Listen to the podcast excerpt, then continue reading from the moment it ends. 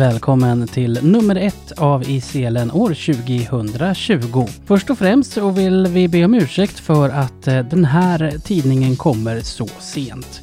Naturligtvis så skulle nummer ett ha kommit betydligt tidigare än så här. Men det kom en coronakris emellan, kan vi väl säga. Och det här numret det är också lite kortare än vanligt, men men innehåller å andra sidan mycket viktig information från ledarhundsverksamheten. Jag som gör i selen, jag heter Joakim Kohlman och en stor del av den här tidningen är producerad i min hemmastudio. Eftersom vi inte har möjlighet att vara ute och göra reportage och så just nu så kommer det vara mycket telefonintervjuer i det här programmet. Men eh, några har jag ändå lyckats ha lite fysiska möten med. Till exempel vår verksamhetschef Lena Ridemar. Det är henne som ni hör först i den här tidningen. Därefter så ska det handla om lite ledarhundsdebatt. På den internationella ledarhundsdagen så kom det en debattartikel i webbtidningen Dagens Arena underskriven av representanter från den finska och den norska ledarhundsföreningen. Ämnet, ja, det handlade om hur mycket bättre det är att ha ledarhund i de länderna än i Sverige. Vi ska höra en representant från de finska ledarhundsförarna och vi får också höra Bengt Borgs syn på saken. Föreningen Sveriges ledarhundsförare har hållit årsmöte och i samband med det så har man också bytt ordförande. Sara Chamlo Ekblad har överlämnat stafettpinnen till Knut Torstensson. Honom tar jag ett snack med senare i tidningen.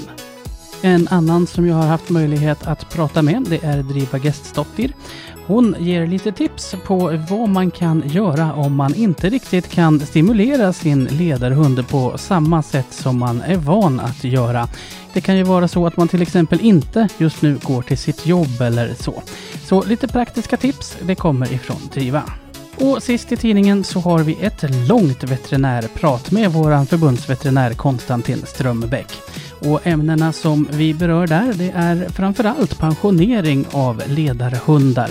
Varför ledarhundar pensioneras vid 11 års ålder och hur de olika alternativen vid en pensionering ser ut. Vi hinner dessutom med att prata lite grann om det här med fästingprofylax. Har du inte redan beställt ditt eh, fästingmedel till din ledarhund, ja då är det faktiskt väldigt hög tid att göra det. Det är så den här tidningen kommer att se ut, så nu börjar vi med lite chefsprat. Då säger jag välkommen hit till studion, Lena Ridemar. Tack så jättemycket. Det känns väldigt konstigt att vi faktiskt står på samma ställe i dessa coronatider. Ja, men med lite social distans och där. Ja, ja, precis. Det är lite, lite längre avstånd än vad vi brukar ha här inne. Ja, eh, men hur, hur eh, har corona varit för dig hittills? Eh, för mig personligen så har det inte varit någon fara, men det är ju... Vi jobbar ganska mycket hemifrån. Man tappar den sociala kontakten väldigt, väldigt mycket. Och det tror jag väldigt många arbetskamrater eh, känner också. Men det är som det är. Vi får ju kämpa på allesammans så gott det går. Mm. Vi ska återkomma till corona om en liten stund, för det påverkar ju ledarhundsverksamheten i väldigt hög grad. Men jag tänkte att vi ska börja med att prata lite grann om personalförändringar inom verksamheten, för det har, har hänt och händer lite saker där, Lena. Ja, eh, vi har en av våra konsulenter, Jenny Lindé, är inte i tjänst och kommer inte att vara i tjänst eh, före sommaren. Eh, då har vi riggat om i verksamheten så att vi har skaffat en speciell supporttelefon. Man ringer in på 39 91 92, så är det ganska lätt att komma ihåg. Man kan mm. också mejla in till support srf.nu Eh, Eh, och den är just nu då bemannad av Annette Grönholm som har jobbat i verksamheten länge. Så att har man supportbehov eh, så hör man av sig på det här numret och till henne. Och sen så ser hon till att det kommer ut eh, lämpliga instruktörer och hjälper till med supporten på hemmaplan helt enkelt. Och nu jobbar vi ganska mycket med att använda även våra leverantörer i supporten för att få det så bra som möjligt för er som ledarhundsförare. Mm. Men eh, de arbetsuppgifter som, eh, som man nästan normalt gör, vem är det som gör dem nu då? Så här i coronatider så har vi ju fått förändra vår kursverksamhet så att vi har lite tid över, vilket gör att eh, vi har inte plockat in en vikarie för Nettan än så länge. Eh, vi har fortfarande möjlighet att göra det om vi känner att det behovet finns. Okej. Okay. Sen så ska ju Bengt ta och sluta inom verksamheten. Ja, den lille rackaren har sin sista arbetsdag den 30 augusti. Eh, så att vi har nu precis i dagarna lagt ut en eh, rekryteringsannons efter en ny konsulent. Eh, den får ni ju jättegärna sprida eh, om ni känner någon som skulle vara lämplig för det uppdraget. Mm, hur tänker ni där? För det finns väl inte jättemånga människor som ens skulle kunna söka den här tjänsten? Nej, men samtidigt så vill jag att vi liksom har den ordningen att vi annonserar ut tjänster och sen sprider informationen, länken till vår hemsida, eh, så hoppas vi på att, att lämpliga kandidater också kommer att söka. Mm. Och platsannonserna de hittar man på vår webbplats på www.srf.nu jobb. Precis. Men hur påverkas då ledarhundsverksamheten av Corona? Ja, det vi har fått göra är ju att vi har ställt in alla våra kurser på kursort, alltså på Almåsa. Så att vi har inga GK2 och vi har inga informationskurser eh, där nu. Och vi har då valt att jobba på ett helt annat sätt, eh, vilket är lite spännande samtidigt. Så att GK2 sker på hemmaplan, utomhus genomgående, både för er skull som förare, men också för våra instruktörers skull. Eh, GK2 genomförs i, ibland av vår personal, eh, men det finns också GK2 som är utlagda på leverantörerna eller andra externa. Eh, informationskurserna, de kör vi tillsammans med leverantörerna. Så att det är en konsulent och en eh, instruktör ifrån leverantören som kommer till eh, dig eh, som söker ledarhund. Eh, och då genomför vi informationskursen på plats utomhus i kombination med telefonsamtal och så. Och då har den leverantören med sig hundar som man får testa att gå med och sådär. Mm. Men hur, nu avråder ju Folkhälsomyndigheten så från, från resor i landet och så. Hur har ni löst det då? För, den, för de konsulenter som ändå måste flytta sig runt till de här olika eh, grundkursbesöken? Ja, de, de är ju då bilburna, eh, hela det här gänget, vilket gör att, att eh, de kommer i bil till eh, den förare som ska få sin GK2 eller den som ska få gå en sån här informationskurs. Om man nu är aktuell för en GK2 och hade sett fram emot att gå på kurs, och så här, finns det någon möjlighet att få vänta och få gå på kurs senare när läget är ett annat? Eller hur tänker ni där? Alltså jag skulle ju själv kanske råda eh, er att faktiskt nappa på det här erbjudandet. Om ni känner att det är en osäkerhet i coronatider just nu, så kan man skjuta på det. Men jag tror inte att man ska hoppas på att det blir någon GK2 på Almåsa i år. Utan det är det här alternativet som vi kör på eh, så länge det är så pass stor risk med smittspridning och så.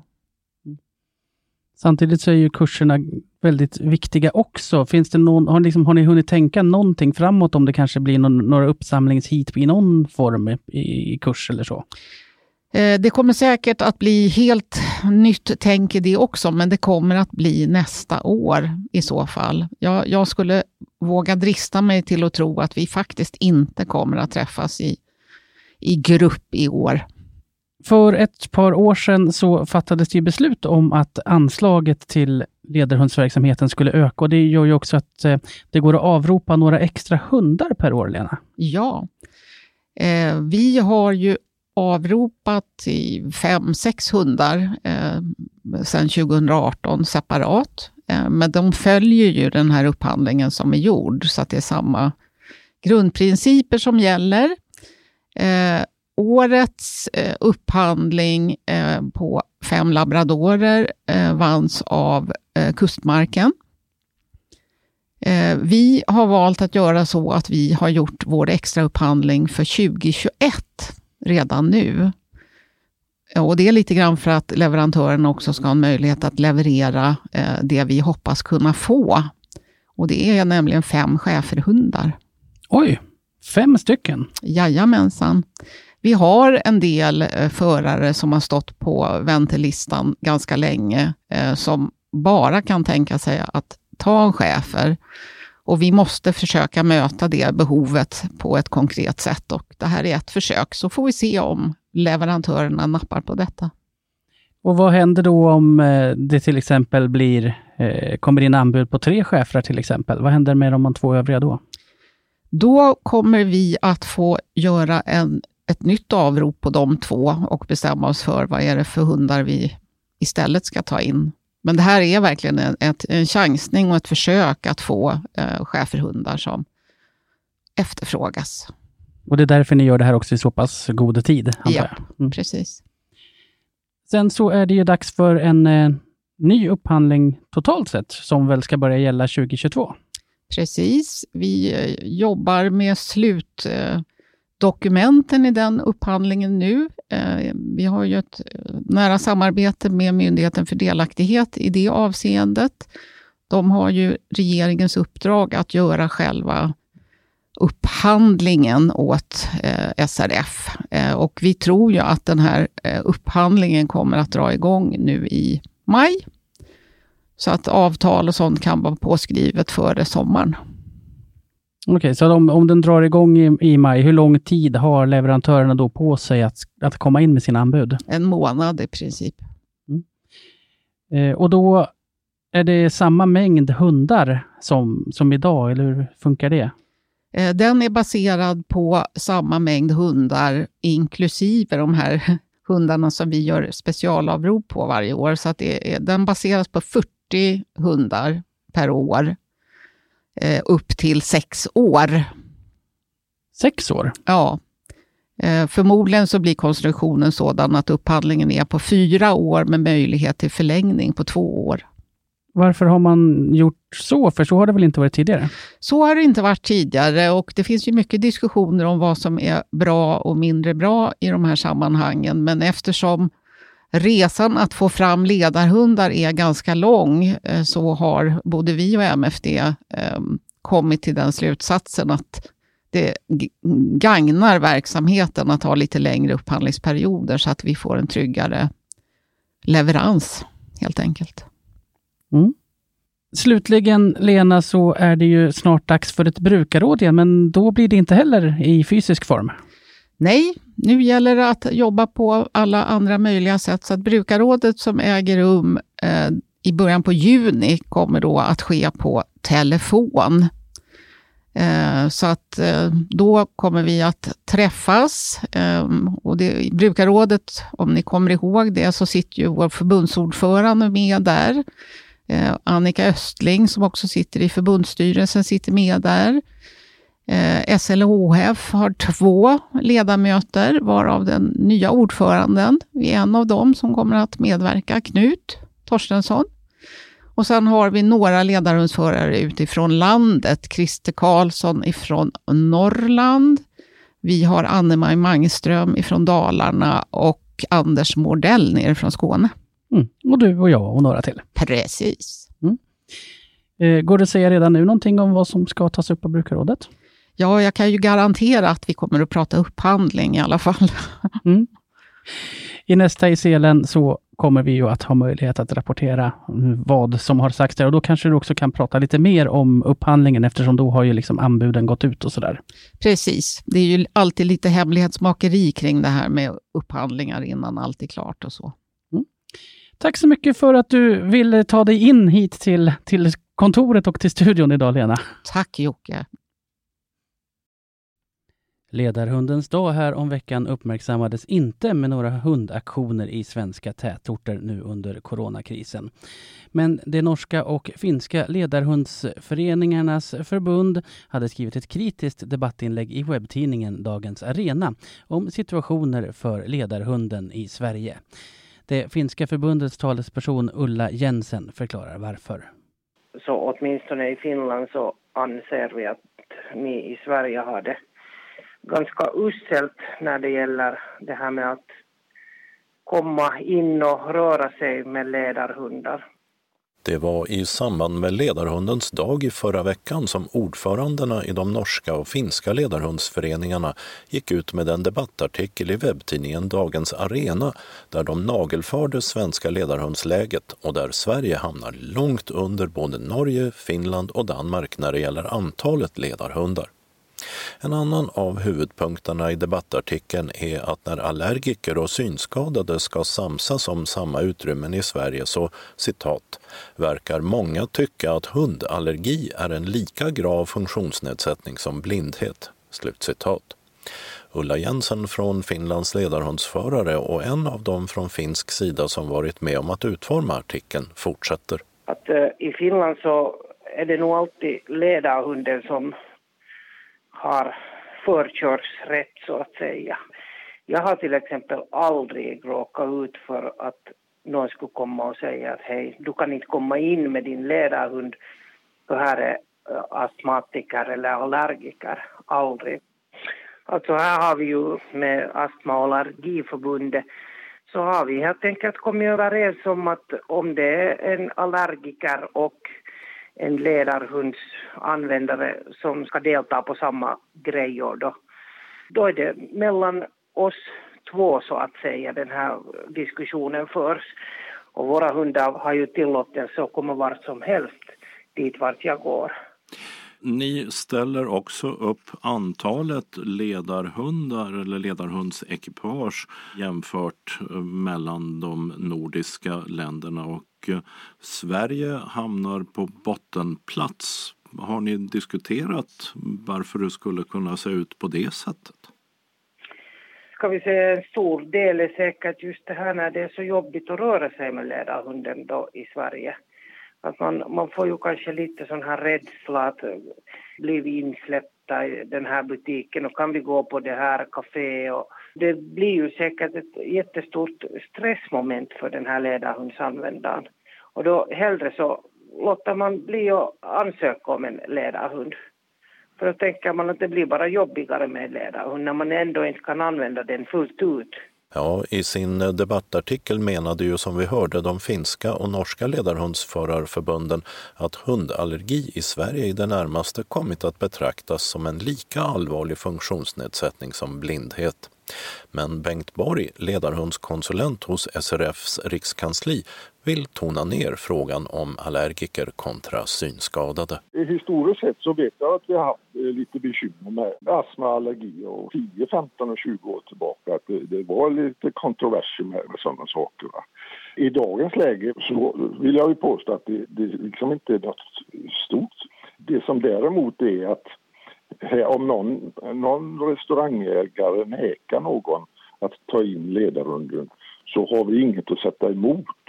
Vi kan liksom inte anmäla det. Så här står det i Livsmedelsverkets regler. En person som har funktionshinder bör få ta med sig sin ledarhund in i exempelvis en serveringslokal, till exempel pub, restaurang eller café och i vissa delar av en butik. Hunden får dock inte följa med om det finns risk för att livsmedel smittas eller smutsas ner. Det är restaurang eller butiksägaren som avgör om det är risk för att livsmedel smittas eller smutsas ner och de kan av just den anledningen neka någon att ta med sig hunden. De drabbas inte av någon form av bestraffning för att de inte släpper in en ledarhund. Vad är lösningen? Att skärpa diskrimineringslagstiftningen? Ja, det kan det ju vara och, och eh, som vi gör nu idag, vi går ut väldigt mycket med information till restauranger där det blir bekymmer och, och förklarar. Vi kör ju väldigt mycket information. Och så var det detta med antalet ledarhundsekipage där debattörerna lägger fram siffror på Norges 48 ledarhundsekipage på en miljon invånare, Danmarks 45 och Finlands 42 mot Sveriges 25, vilket ger cirka 260 ekipage i Sverige norrmännen och finnarna har alltid haft mer ledarhundsekipage än vad vi i Sverige har haft. Vi har legat på lite över 300 hundar i Sverige och eh, nu är vi väl nere på 260-270. Och där har det pendlat i alla år. Men eh, var, varför ser det ut på det viset? Jag, jag har inget bra svar på det faktiskt.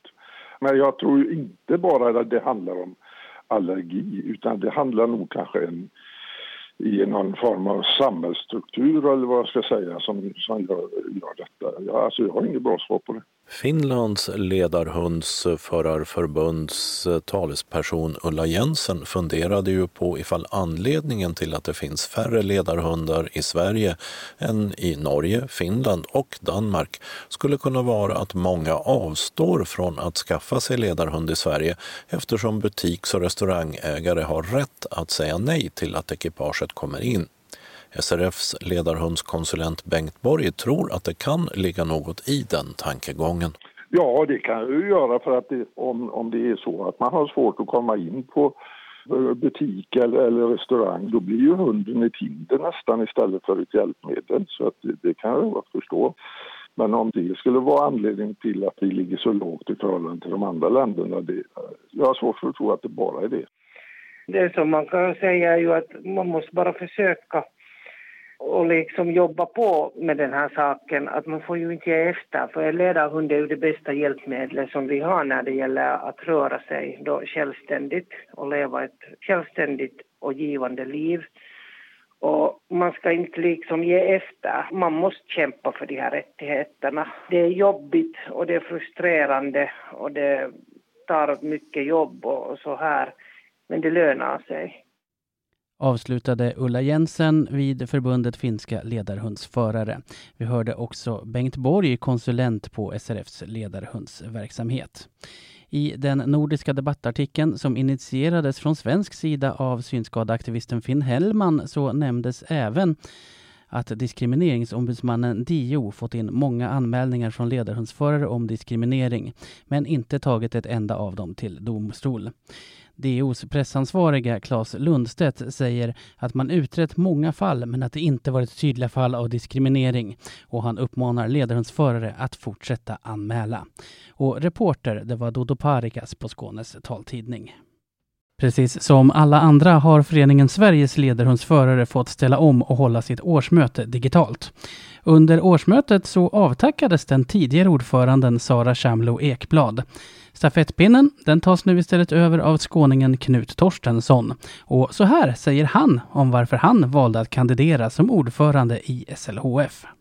Ja, det kan vara många bäckar små ibland. Och egentligen, eh, jag blev invald i fjol och tänkte ja, då var jag sekreterare ett år. Sen hände vissa saker här under vinterhalvåret som jag kände att nej, jag släpper det här och backar lite. Men eh, Sen började en del i styrelsen här och lobba lite att eh, Knut, du skulle ta detta, vi vill det. Och sen eh, kände jag att jag diggnade till betydligt snabbare än vad jag hade tänkt mig och eh, kände ja, men varför inte? Jag vill ta lite rättsida, att det ska hända mer och vi ska få en ännu bättre struktur i organisationen. Så ja, vi kör.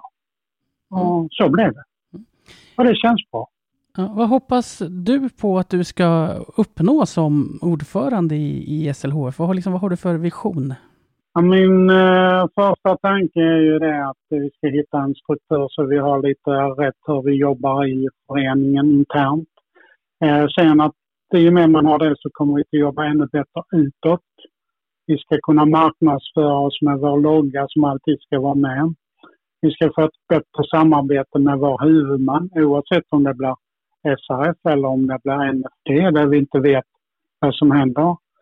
Och det som ligger just nu för dagen här som är lite viktigt att börja ta tag i det är det här med diskriminering. Vissa ställen går bra att komma in med sina hundar. Jag har inga större problem här nere.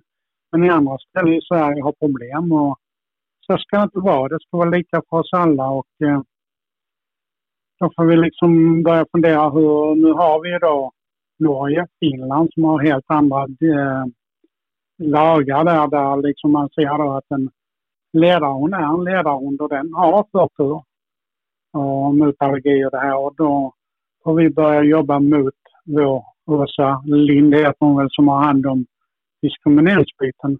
Varför vill de inte ta upp de här fallen som kommer in till dem? Det är ju en sak som jag kommer att ha på vår agenda nu här i maj när vi har vårt första riktiga styrelsemöte på den nya styrelsen. Det här är ju ingen ny fråga på, på något sätt, utan både, både SLHF och Synskadades riksförbund har ju jobbat med diskrimineringsfrågan. Vad tror du behöver göras för att eh, man ska nå fram till politikerna med det här budskapet? Ja, det, hade vi haft den lösningen så hade vi haft knäckt det för länge sedan. Eh, jag tror det, nu är det en ny som sitter, att eh, det är information, vi får träffa dem och det, jag tror det är information och information och få dem till att förstå liksom vad det handlar om. Att eh, om man säger, många skyller ju på allergi och den här biten att eh, hundar får inte komma in för det. Nej, men en allergiker ser att där kommer en hund. Men att det kommer in en, det är ingen som står i en dörr i en butik och säger Gud, du doftar för mycket, du har för mycket parfym. Du får inte gå in här. Då säger inte allergikerna någonting. Varför får de gå in i restauranger och butiker och ha doft som eh, känns på flera meters håll? Och då kan jag liksom inte förstå riktigt vad är skillnaden. Och då är det att vi måste bli bättre på att marknadsföra oss och berätta vad det är, vad vi har hunden till. Men du tror att med, med marknadsföring så kan man liksom via allmänheten skapa ett tryck mot politikerna? Är det så du tänker? Ja, bland annat. För det är ju många gånger är det okunskap, ovetande. Folk förstår liksom inte riktigt vad det här betyder. För det är många gånger som jag har sagt till folk också, ja men du får inte gå in här. Nej. Men om jag går och lämnar hunden och, och, och sprutar ner mig med parfym, får jag komma in då? Eh, ja, det får jag. Vad är skillnaden, säger jag då. Mm, nej, det är ju klart, det tål ju inte allergiker heller. Och detta är mycket information, okunnighet. Och jag tror mycket det om man tittar, som man ser lite Finland, Norge. De har varit med om andra saker. Sverige har klarat sig ifrån många krig och sånt här och behöver inte ta hjälp av varandra på samma sätt. Um, så jag tror det är alltså mycket information. Så du tror att det liksom är eh, de andra ländernas historia som gör att det ser annorlunda ut när det gäller till exempel synen på hundallergi kontra ledarhund? Ja, att de har nog lättare på det viset att kunna få igenom en lag som då hjälper dem. För det är inte meningen att jag ska behöva stå vid varje ställe man ska in och ta en diskussion. Att jag får enligt Livsmedelsverket ha hunden med mig in. Det, det är inte meningen jag ska behöva ha den diskussionen med allmänheten. Det här måste liksom lösas högre upp att vi har den rätten. Och en del av oss kan prata och en del har inte samma eh, liksom, ork och lust att stå och ta en diskussion. Och det tycker jag ska inte behövas. Det sa Knut Torstensson, nyvald ordförande i föreningen Sveriges ledarhundsförare, när han intervjuades i Radio SRF på Ledarhundens dag. En aspekt av corona är ju att en del ledarhundar kanske inte får riktigt lika mycket stimulans som vanligt. Och för att ta reda på vad man kan göra då så har jag ringt upp Drifa Gestdottir som är ledarhundskonsulent på ledarhundsverksamheten. Och Driva, hur ska man tänka när hunden inte riktigt eh, får jobba så mycket som den brukar? Det är ju ganska mycket man kan göra faktiskt. Ehm, det som jag tycker är ganska viktigt att tänka på nu i dagsläget, det är ju liksom, man kan göra lite övningar som kan stärka liksom, relationen till hunden. Liksom, det är ett perfekt läge liksom, att putsa på lydnaden till exempel. Och då kan man göra enkla lydnadsövningar hemma. kan man göra. Och ja, utanför hemma där man inte behöver vara i, ja, runt folk och allting sånt där. Det kan man göra. Kan du ge några exempel på, på liksom saker man kan träna? Ja, man kan träna på till exempel apporteringen. Och man kan träna på positionerna hos hunden. Liksom fotpositionen. Och eh, till exempel med apporteringen när hunden ska lämna. Man kan sätta hunden framför sig och han ska hålla helt enkelt i den grejen man vill att han ska ta upp. Då kan man bara klappa den lite på pannan och man kan träna lite på de sakerna. Och som jag säger med lydnaden, liksom, man kan göra inkallning i koppel. Man behöver inte alltid vara på jättestora ytor när man tränar lydnad. Man kan träna lite i kopplet. Som tränar det här och hunden kommer rätt in vid sidan. Han håller sin position, sätter sig vid fot. Um, man kan lämna hunden, uh, gå ut i kopplets längd och kalla in hunden så han kommer in till rätt position. Mm. Detta kan man träna på och då behöver man inte så mycket plats heller. Man behöver liksom inte gå liksom ut i skogen eller ute på något stort fält. Man kan göra det på en ganska liten yta. Mycket hemma, så hur gör man för att eh, bibehålla hundens selarbete på ett bra sätt, även om den jobbar mindre? Ja, det kan man också göra, alltså i selarbete, för vi alla har ju, alla har ju en liten rastrunda där de går med hundarna. Eh, så hundarna borde ju, de kommer ju alltid ut någonting i selen. Och då kan man ju göra träningar som vi har pratat om med tempoväxlingar. Att liksom om vi tränar hundarna lyssna på oss när vi pratar med honom. Att vi kan öka tempot och sakta ner igen. Och man kan man köra liksom sträckan i lite olika tempor, inte alltid samma, samma tempo. Så vi kan leka lite med hunden med tempoväxlingarna. Och sen är det också det här med eh, liksom vänsterkanten. Och då kan man ju göra så att man håller, ber hunden att hålla vänsterkant. Så kan man be hundarna stanna och så tar man kanske ja, ett eller två steg ut till höger. Tar hunden fot och så tar man upp selen igen och ber hunden att söka in till kanten. Och när hunden söker sig in till kanten och man känner liksom att den strävar lite till vänster, då liksom berömmer man hunden för det. Och så kan man leka lite med den här träningen. Och många hundar uppskattar det på ett väldigt bra sätt. Och sen är det ju också bara den här eh, vanliga, vad ska man säga, kommunikationen med hunden. Eh, det kan man både göra med lydnaden och man kan också bara liksom tänka lite utanför boxen. Liksom träna lite allt möjligt. Eh, och sen är det också bara det här, liksom bara sätta sig ner och liksom borsta hunden. Liksom när man kommer hemifrån en promenad, liksom ta sig lite tid med hunden. Ge hunden lite tid. Liksom sätta sig ner och borsta och gå igenom päls och, och allting sånt där. De här tiderna ser ju också naturligtvis annorlunda ut för er som jobbar på ledarhundsverksamheten. Så hur har eran liksom, arbetsvardag förändrats i och med Corona? Ja du, den har förändrats ganska mycket. Nu har vi ju inga kurser eller någonting sånt där. Men eh, vi försöker göra så gott vi kan eh, angående de som skulle gå kurserna. Vi försöker hålla till exempel GK2 nu på hemmaplan. Och eh, då är vi ganska mycket ut, utomhus och tittar på hunden och förare i arbete. Och eh, infokurserna har vi också på hemmaplan nu.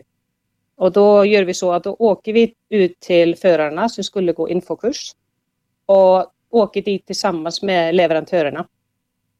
Och då har vi såna mini-infokurs på hemmaplan. Får de prova lite hundar och så har vi teori och sånt där över telefon. Och om man som ledarhundsförare känner att man behöver ytterligare tips så går det bra att ringa ledarhundsverksamhetens supporttelefon 08 39 91 92 eller mejla på support srf.nu. Jättebra, tack så jättemycket för att du ville vara med och prata lite med oss Diva. Ja, tack själv. Då har det blivit dags för lite veterinärprat och välkommen till studion Konstantin. Ja, hej, tack så mycket. Idag så ska vi prata framför allt om det här med pensionering av ledarhundar. För du kan väl börja med att berätta, vad är det som ledarhundsverksamheten har beslutat när det gäller pensionering? Ja, vi har beslutat om att eh, hundarna ska gå i pension eh, vid 11 års ålder. Eh, och det gör att eh, de inte som tidigare kunde få jobba hela vägen tills de eh, avled i värsta fall. Eh, vi vill eh, göra det här dels för att värna om hunden. Eh, dels också värna om eh, föraren och ekipaget. Och eh, också lite grann också om att eh, förvalta den fina goodwill som ledarhundsverksamheten har runt om i samhället. Att vi sköter det här med pensioneringen på ett fint sätt för alla inblandade. Men varför just 11 år? Vad, vad är det som gör att gränsen har lagts precis där? Uh, ja, uh, som veterinär så tittar jag framförallt uh, på hundens väl och ve och hundens bästa. Och Då har vi tittat dels eh, på en del studier. De största studierna är gjorda i England. Eh, det är dels en allmän studie gjord på labradorer på 2010-talet. Det var 113 000 labradorer med. Och där såg man att medelåldern för en labrador är 12 år eh, när de avlider. Och, eh, så det är en liten fingervisning om när det kanske börjar bli dags att ta ut i så fall en labrador i pension före den tiden. Eh, sen har vi tittat på studier där som handlar just om ledarhundar i Storbritannien och där är det 7000 hundar som har varit med. Och där gör man iakttagelser att eh, hundarna tappar lite grann av sin eh, både mentala och fysiska förmåga. Och det börjar vid 8-9 års ålder och man kan räkna med att när de är 11 år så är ungefär 25 procent borta av den förmåga de är satt från början. Eh, och då tycker vi också att det är dags lite grann att när man börjar tappa så pass mycket att då hunden inte ska behöva ett ansvar för en förare utan kanske mer kunna bara få vara hund den sista tiden av sitt liv och åtnjuta och vara sällskapshund.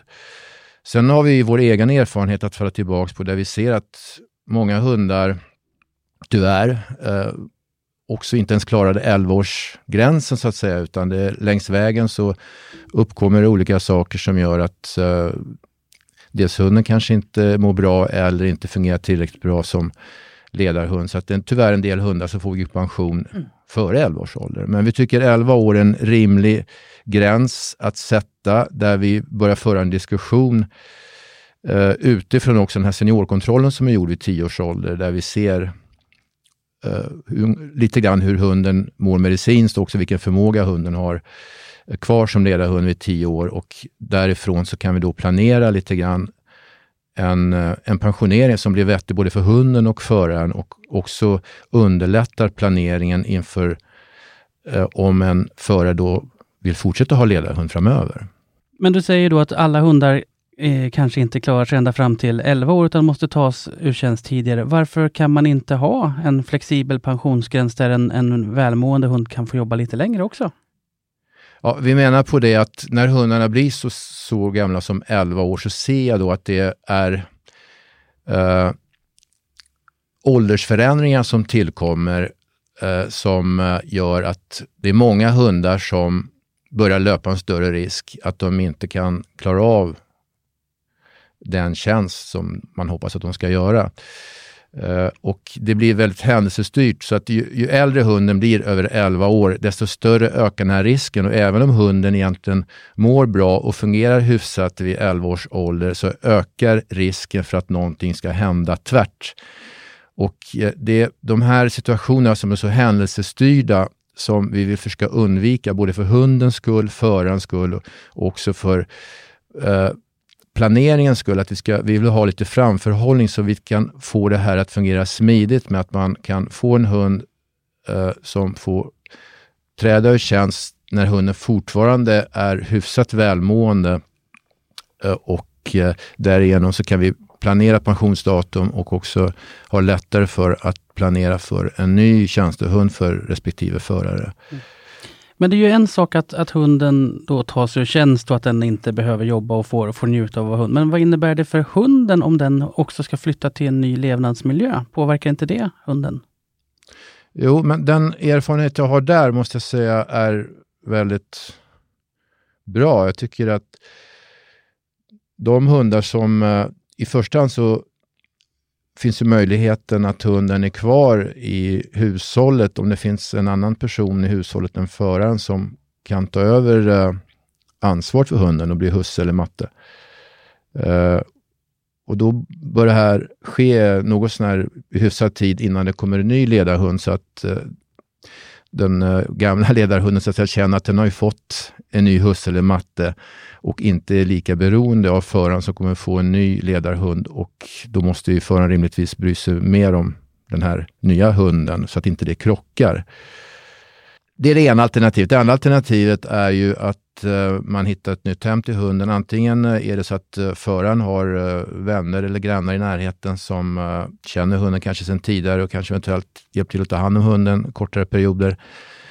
Och det är ett trevligt sätt att lösa det på, men sen finns det också möjligheter och vi har en lista på eh, på intresserade människor som, som har en koppling till eh, ledarhundsverksamheten sedan tidigare som har anmält intresse för att ta hand om, om pensionerade ledarhundar. Ofta det kan det vara fodervärdar som har haft hunden tidigare. Det kan vara andra människor som har haft kontakt med ledarhundsverksamheten som uh, hjälper till. Och I de fall det har hänt så måste jag säga att jag, jag har ofta kontakt med de här uh, nya, de blir ju som ny hundägare till de här pensionerade hundarna. Och jag tycker att det verkar fungera väldigt bra. Uh, det är alltid naturligtvis en liten period där man, hunden byter miljö, men jag tycker ändå att uh, det går över för, förväntan, måste jag säga. Jag, jag har inte fått någon negativ feedback när det gäller att vi har flyttat hundarna. Vad gäller då om eh, hunden eh, har till exempel att den står på, på mediciner mm. eller så när den övertas till och blir en privathund så att säga? Ja, vi försöker verkligen hjälpa till och se till att det här sker så smidigt som möjligt. Och har hunden åkommor sedan tidigare som behöver medicineras så försöker vi hjälpa till åtminstone en tid med det här. Eh, så att eh, står hunden på medicin så åtminstone ett halvår som SRF eh, hjälper till och se till att hunden får sin medicin kostnadsfritt. Sen efter det så får man göra en ny bedömning av hur, hur pass mycket medicinen behövs och hur läget är. Men vi försöker hjälpa till så att det blir en vettig situation för den nya hundägaren i det här fallet. Mm. Men hur ser då själva processen ut från tioårskontrollen och framåt när det är dags att byta, byta hund eller för att hunden ska gå i pension? Ja, eh, det blir så att eh, efter den här seniorkontrollen så brukar det ske någonstans ja, vid tioårsstrecket där. Eh, då brukar jag ha en kontakt med de förarna, framförallt eh, i de fall där det finns eh, någonting att prata om, som, någonting som man har hittat på den här veterinärbesiktningen eller eventuellt på blodprovet så att man kan hjälpa till och stötta den här hunden under sin sista tid fram till pension. Men då börjar man också prata lite grann om pension och hur, hur och vilka möjligheter det finns att hunden ska få ett nytt hem eller eventuellt eh, vissa förare väljer också att ha kvar hunden själva som sällskapshund eh, ett tag till.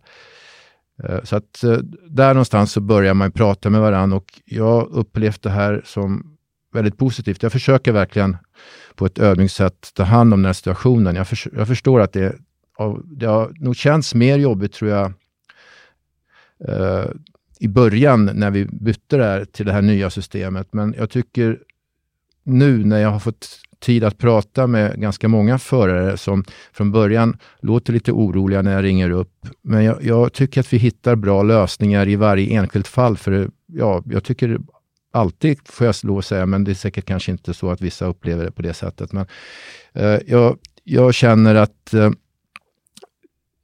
vi eh, planerar då inför det här så att när 11 års... När, eh, hundens, hunden sen blir 11 år, då tar jag en ny kontakt. Och då blir det mer att man pratar mer, vad finns det för möjligheter här och nu för den här hunden? Och, eh, det, behöver inte, det, kommer, det sker inte på hundens 11-årsdag, utan det handlar om att man ska hitta en vettig lösning som fungerar både för, för föraren och hunden och eh, för oss på ledarhundsenheten att ta höjd för att eventuellt föraren önskar en ny ledarhund. Idag så är ju de ledarhundar som Synskadades riksförbund har inte försäkrade. Vad händer då med hunden när den går i pension? Går det överhuvudtaget att teckna försäkring på en gammal hund på det sättet? Ja, det går att teckna försäkring på en uh, gammal hund, en labrador, på det här sättet. Jag har uh, själv varit i kontakt med två av försäkringsbolagen som är mest så att säga, inriktade på djurförsäkringar. Som är, det är Agria och det är Sveland. Och eh, de eh, försäkrar in hundar i 11-årsåldern utan problem. Eh, man får ju diskutera vilken premie man vill ha beroende på hur mycket man vill få ut av en försäkring vid eventuell sjukdom eller skada. Eh, men det finns försäkringar från 300 kronor uppåt per månad och eh, jag skulle väl själv teckna en försäkring som inte var alltför hög utan mer inriktad på akuta sjukdomsfall och enklare sjukdomsfall. Med tanke på att man kanske inte gör alltför stora ingrepp på en hund i 11-12 års åldern och eh, man kanske avstår från till exempel strålbehandling vid tumörsjukdomar och så vidare. Men ja, det går att försäkra in de här hundarna och det går till och med att försäkra in dem utan veterinärbesiktning. Eh, det är så att eh, vad försäkringsbolaget vill veta, det är eh, lite grann vad hunden har för problem tidigare. Och då kan man ju nämna det. Då får man förmodligen en reservation. Om man säger att hunden har haft ett antal öronbekymmer eller haft problem med magen så kommer man tyvärr stryka de organsystemen som har blivit drabbade. Um, men uh, i övrigt för nya sjukdomar och för uh, olycksfall så kommer försäkringen gälla och det tycker jag är, bör man fundera på om man inte ska ha en sån försäkring om man tar över en gammal ledarhund. Då lämnar vi pensionering av ledarhundar för den här gången och så pratar vi istället lite om att våren är kommen och med dem kommer fästingarna. Ja, det gör de. Självklart så tycker jag och vi på ledarhönsenheten här att man ska försöka undvika fästingarna och vi eh, hjälper till med fästingprofylax. Det som vi i första hand använder oss av det är eh, ett halsband som heter Seresto. Som, har, som är bra på det sättet att det dels är verksamt i åtta månader och också har en repellerande verkan på fästingarna. Det vill säga att fästingarna känner av det här, någon doft från det här halsbandet som gör att de undviker de här djuren som hundarna som har på sig halsbanden, vilket är ju ganska skönt för då är det inte så att de kryper runt lite på hunden och sen kanske tacklar av efter en stund och råkar tackla av hemma i soffan eller i sängen. Eh, så att eh, i första hand så rekommenderas Resto. Har man då en hund som har eh, av någon anledning någon eh, känslig hud eller reagerar på halsbandet så finns det då istället tabletter som heter Bravecto. Och de ges då i munnen och håller i tre månader. De har också en bra verkan mot fästingarna. De har inte lika stark repellerande effekt. Det händer att man har en fästing krypande på hunden emellanåt, men de släpper ganska fort. Så det är de två preparaten som vi har i lager här hos oss. Sen finns det då vissa, det finns ju fler preparat och i de fall som man har önskemål av någon medicinsk orsak att välja ett annat preparat så får man ju höra av sig till mig så pratar vi om saken och så kan jag skriva ut ett recept som man hämtar ut på sitt närmaste apotek. Mm. Men här spot on-medel rekommenderar ni alltså inte?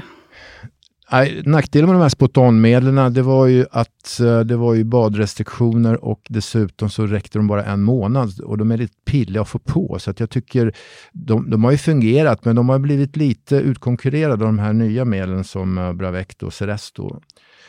Eh, så att eh, de fungerar. Det var ju export tidigare men då var man tvungen att göra det här en gång per månad och det var som sagt restriktioner med bad och schamponering och så vidare. Eh, det har ju funnits ett annat halsband för Seresto, men det som väl är nytt också med Seresto, det är väl att den är mera vänlig mot katter och barn och sådana saker. Ja, eh, det var ju, tidigare fanns ju Scalibor och det finns ju fortfarande. Eh, det räcker, den har en effekt i 5-6 månader, så det täcker inte hela säsongen i Sverige tyvärr. Det är en nackdel.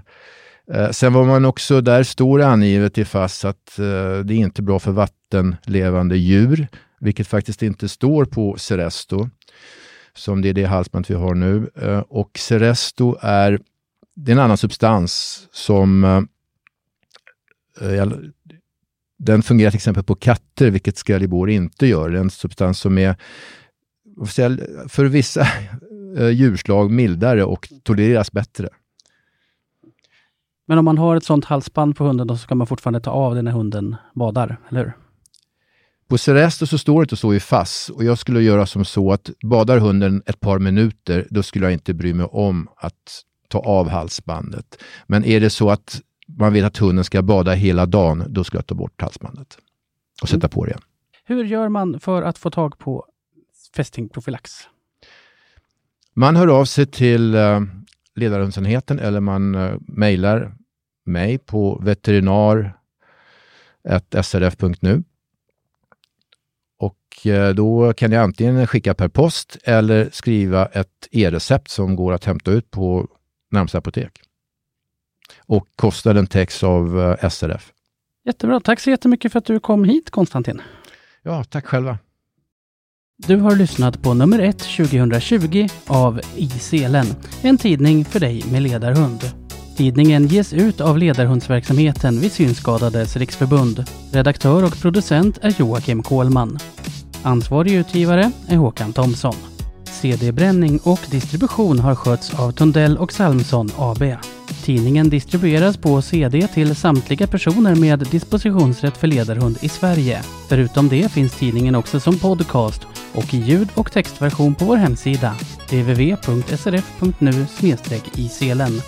Kontakta gärna redaktionen via e-post radio srf.nu eller ring 08 399 227. Vill du skriva är adressen i Selen 122 88 Enskede. Och här är tidningen slut.